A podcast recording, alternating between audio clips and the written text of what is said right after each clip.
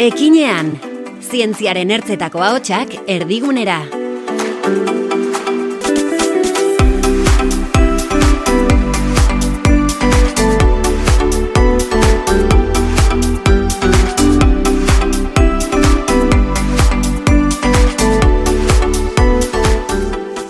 Kaixo, ongi etorri EHU Ekinean podcastaren atal berri honetala.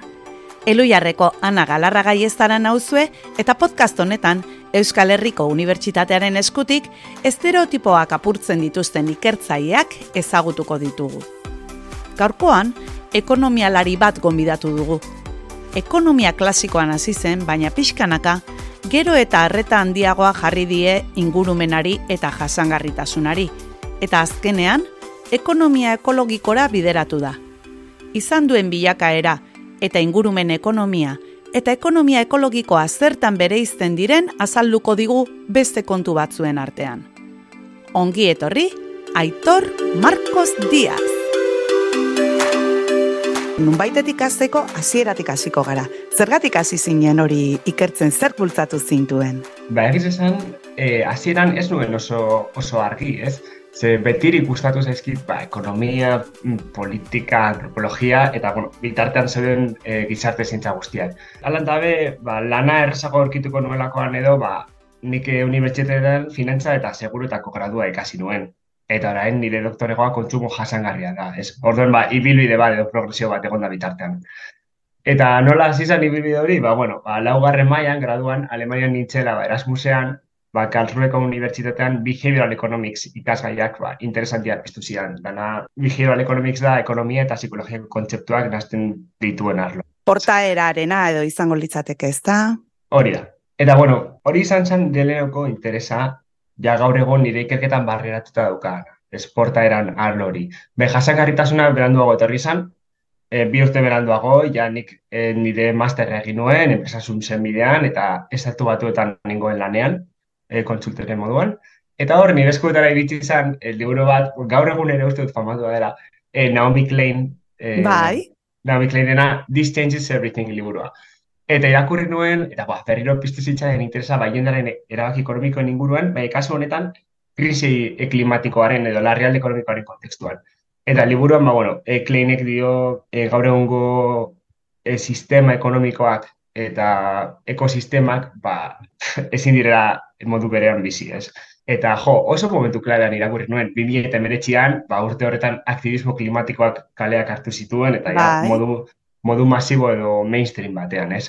Eta, bueno, ba, elementu guzti horiekin, ba, erabaki hartu nuen, nire karrera profesionalari beste norabia eta krisi klimatikoa eta erabaki ekonomikoak integratzen zituen, ba, ikerketa bat astea, edo bintzat profesionalki horretara dedikatzea. Eta niretzako, ba, errezena izan zen, konsultoria lana utzi, e, Euskal Herriera bueltatu, eta doktorego bat, hasi e, hemen. Eta, bueno, orain, irurte beranduago, ba, egiten duana erabaki ekonomikoen inguruko ikerketa bat, e, larrialde klimatikoaren kontekstuan, eta konkretuki nire tesia da, e, nire tesiak ba, pare bat tresna, edo instrumento politiko aztertzen ditu, Eta, ba, bueno, nire paper nagusia da karbono dioxidaren gaineko zergaren efektua aztertzea, eta, bueno, akurat demostratzea, ba, jendaren erabakiak imperfektuak diren ez, ba, ez duela guzti zondo funtzionatzen. Bada, ibilbide pixkat ezoikoa, edo behintzatez lineala, ze hor egontzen inflexio puntu bat, oso garrantzitsuak, ero esango dute irakurtzak ez dula ezertarako balio, Baina, bueno, zure kasuan behintzat, baina horrek egintzun bat e, baita gizartean zegoen giro batekin. Zuk ikusten duzu ba, zure ikerketen emaitzekin eta esplikatzen direla ondo gizartean gertatzen ari direnak edo gizartearen norabide bat?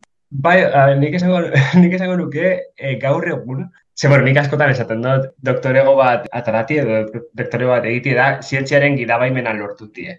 Oraindik, oraindik ez naz ni inongo erreferente ez horrelakorik. Orden momentuz, gizarteak daukan nigan influentza gehiago, nik gizartean baino, ez?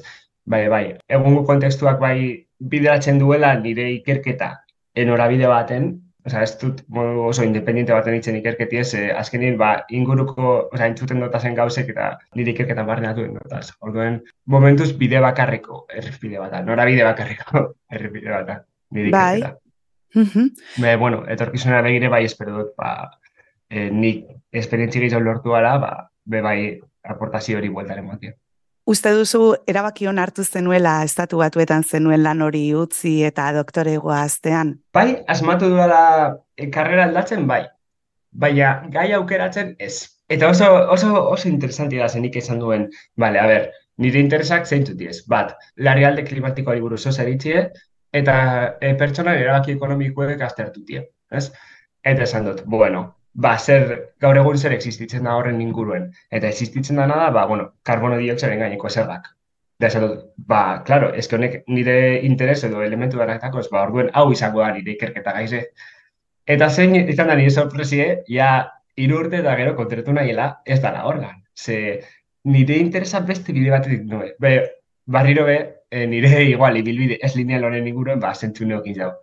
Zeitzik, ba, bueno, azerga honek, ba, oso labur esan da, e, honen helburu da berotegi efektuko gaza murriztea eta horretarako ba, produktu eta zerbitzu kutsagarri zen e, presizuek handitzuten dauz zerga honek. Hau da, zerga honek kontsumitzaileak ikusten dituzten presioak aldatzen ditu produktu jasangarritasunen arabera. Horrela, ba, kontsumitzaileasko produktu merkeena erosterako orduan jakin gabe be, e, jasangarri nabe aukeratu da bie. Ze jasangarri nabe hau izango da eta kutsagarrizena e, garesti jaue.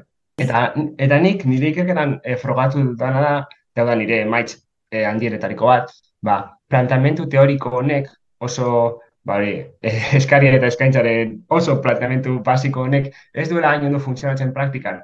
Ze, bueno, lizentzia morala izeneko fenomeno psikologiko bat identifikatu dugu, non kontsumitzaileak pentsatzen dagoen, ba, produktu kutsagarri bat erostea justifikatuta dagoela. Ze kutsadera horregatik ordaintzen dauzelako zer ordaintzerakoan. Bai, turismo zerga bezala izango litzateke, ez da, esaten duzu, bueno, mm. e, berez ez da ingurumenerako egokia, ba, turismo egitera jutea, hain justu, turismo zerga daukan leku ja masifikatu batera, baina, nola ordaintzen ari zaren, barkatu egiten diozu zure buruari, ez da, ba, gauza bera da. Bai, bai, bai, bardin, bardin, turismo zergaren moduen, kasu honetan, eh, ordaintzen, da bien jentiek, eh, karbono dioxidoen gaineko zergak, ez da, ez da bizi euren eh, kontsumo iturak aldatuten. Euren kontsumo eh, biorakaz jarraitu den da eta gainera, ba, kontsientzi lasaiago batekin. Eh, ba, bueno, ba, zer ez dau beran eh, funtsinue bete, ez? Eta nik, hau estertu eta gero, irurte eta gero esan dut. Eta hau da gana, ez da gehiago, honen inguruen. Eta azken urte honetan, oso, ba, oso reflexio sakon bat indot, ia nora gudotan bideratu nire karrere, eta bi ondorio e, nagusi atera da, eta uste ba, metik aurra nire bidalerro bihurtuko dizenak. Eta zein dira? Lehenengo, hau oso oso basikoa da, baina kontutan hartu behar dugu be, ekonomian beti esan dela oso pentsamentu e, monolitiko dun arlo bat, ez? Ekonomia neoklasikoa, eta listo. Eta nino hanean, e, unibertsitatiko departamentu batera, estatu bat batuetatik bueltatuta eta ganera esaten, ei, nik eh, krisi klimatikoaren inguruan egin nahi dut ikerketa, nik hor eh, gogo gehiago dituen jakintza baino, ez, ez, ekien, gauza askorik. Eta orduan basartzen dizute, ba, ingurumenaren ekonomiaren arloa. Bai. Ingurumenaren ekonomia eta ekonomia ekologikoa ez dira gauza berdinak. Bai, ba, Baina, esplikatu bai. iguzun bezedez, diferentzia. Ze, bai. claro, e, berez, ez, biak daukate ekonomia eta mm. ingurumena edo ekologia, baina gero elkartzen dituzunean ikuspegiak dira aldatzen direnak, ezta? Hori da. Eta e, nire ondori nagusi bet, ametik aurrea da, ni ekonomia ekologikoa zentratuko naizela. Eta zein da diferentzia hori, ba, bueno, emoten dau taxonomia kontu bat dara bakarrik, baina badauz desberdintasun klaro batzuk. Azteko, ingurumenaren ekonomiak, ba, garrantzia handia ematen dio naturari eta ekonomiari, bai arloki horrek parean jartzen ditu. Hau da, ikuspuntu honetatik diseinatzen diren politikak, jarduera ekonomikoen ba, kutsadura edo kostu sozialak transakzio kostu gisa ikusten dituzte. Beti merkatuen barruen. Hau da, e, naturaren valorizazio bat egiten da, merkatuen terminoetan. Adibidez hori karbono tasarena, ez da herrialdeen arteko salerosketa eta horregin horregongo litzateke. Hori da, hori da, azkenean zer da karbono dioxiden tasa, ba, zeo bi kilogramoako itxari presio bat jartzea. Eta nor gara gu e, naturari ba, presio bat jartzeko ez. E, baina, bueno, azkenien, e, ba, ekonomiak duen ikuspuntu, ba, integratzai horregaz, bada, venga, ba, natura be, e, merkatuaren terminuetatik ikusiko dugu. Eta hori da, e, ikuspuntu hegemonikoa dagoena gaur egun. Eta, karo, ni unibertsitatera heltzean, eta aztertzerakoan, ba, zetresna dukagun, ba, niri hau e, erakusten didate, eta nik hau hartzen dut. Bai, orain ikasi dut, bada duzela beste bide batzuk. Eta ekonomia ekologikoak badu ikuspegi zabalagoa. Eta natura jartzen du denaren ganetik. Ze, eta dio, ba, bueno, ekonomia zoiek dela ba, naturaren ba, azpisistema bat edo. Uh -huh. Azkenin ba hori, ekonomia ekologiko txago, ekonomia eta natura ez daude parean. Da, bueno, ekonomia ekologikoaren kritika nagusia, da, ba, bueno, eh, askunde ekonomiko infinitoa ez dela, ez dela zentzuduna bat, ez be, baliabide material finito dun planeta batean ezin delako ekonomia modu infinitoan hasi. Ez hor badagoela paradigma aldaketa bat. Bai, bai. eta gero eta zientzialari gehiagoari gara entzuten, eh? Zuk eh, mm. aipatzen duzun norabide horretan. Uste duzu, mm. uf, eh, hegemonia hori puskatzeko adina indar izango duela, izaten ari dela edo ari zaretela? Bultzatzen bintzat? Nik uste dut baietz, e, ze, azken, azken finean, ekonomia ekologikoak ez dauz, e, oza, zarantzan jartzen dau, ba, hori, barre produktu gordikan maksimizatzea dela, ba, ekonomiaren helburu nagusia. Eta hori baztertu, eta orain, ba, debataren erdire hartzen dau, ongi izatea, planetarena eta bai izaki bizuena. Eta, jo, ba, hori oso, Osa, erakargarriagoa eta desiragarriagoa da, ez? Eta niri horretik egon motibazen, no? Eta nire moduan pila, jentek. Eta nik, e, bueno, guztia, o sea, guztia aurkitu nuenean, esan nuen, wow, ekonomia ekologikoa oso erakargarria da, baina hau badago ja estrukturatuta, e, badau gai hau landuta edo oso oso marginala da. Eta nik uste nuena, baino asko sobeto dago e, e, landuta kriston autoreak da, ben? Eta, bori, niretzako, oza, bai izan da deigarria, oza, pertsona bat, dik, esarriko nik hasi nahuen, Bilbon, Euskal Herriko Unibertsitatean, oza, ekonomia fakultate batean, masterra be, ekonomia arloan nuen, eta doktoragoa be, eta ja doktoregoan konturatu ditzen honetaz. Osea, eta niretzako izan behar da gauza bat, lehenengo, osea, unibertsitateko lehenengo maiatik dakizuna, ez? Ze ere desberdin dauden, eta gero, bale, iba, ikasiko dugu ekonomia neoklasikoa behiakin daizun, dauzela, ba, ekonomia marxista bat, ekonomia feminista bat, ekonomia ekologiko bat, eta bestelakoak. Baina ez, eta hori izan da nire ondorio bat, ba, modu kontziente baten, e, jakitea, non nagoen eta nora bideratu nahi duen nire ikerketa, ez? Ekonomia neoklasikotik at. Horrek ez dugu esan nahi, ekonomia neoklasikoa guztiz bat betzen duela, bai, pentsat, ba, jakin, ba, beste batu da, Ba, ze ona, etorkizunerako eraldaketarako tresna izan daiteke, edo izan beharko luke? Bai, bai, bai, aran dabe, bai ikusten dut, nire etorkizunera begire, ez dakit ez erabilera izango dagoen, honek, ze, bai ikusten dut, em, ba, ekonomia ekologikoak arlo gisa, no?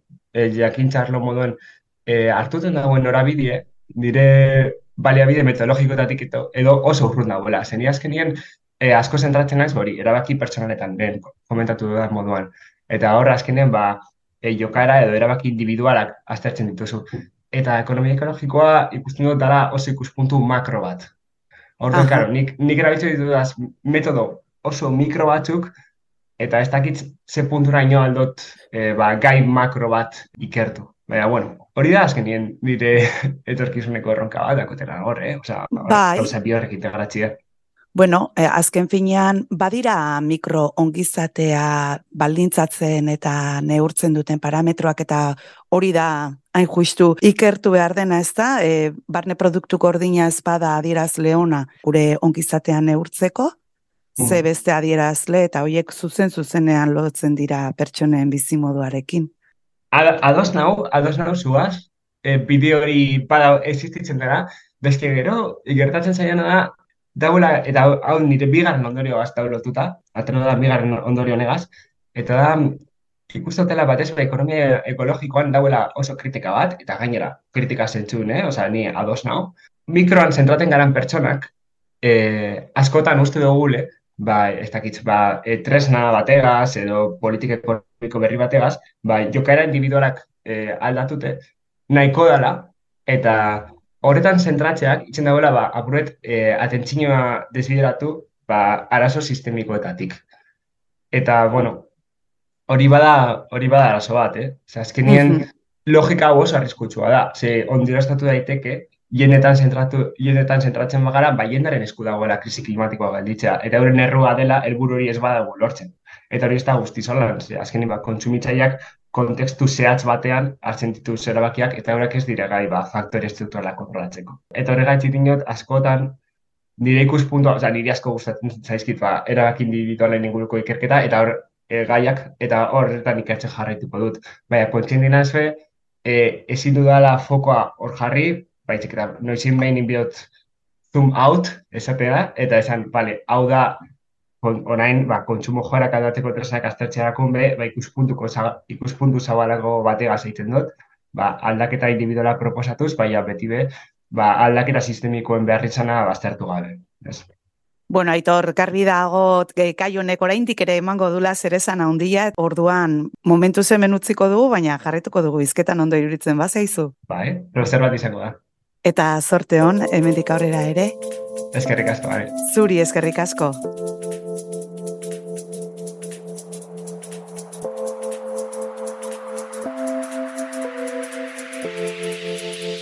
Eta eskerrik asko zuri ere, entzule hori, Aitor Marcos Diaz eta bion arteko solasalia jarraitzagatik.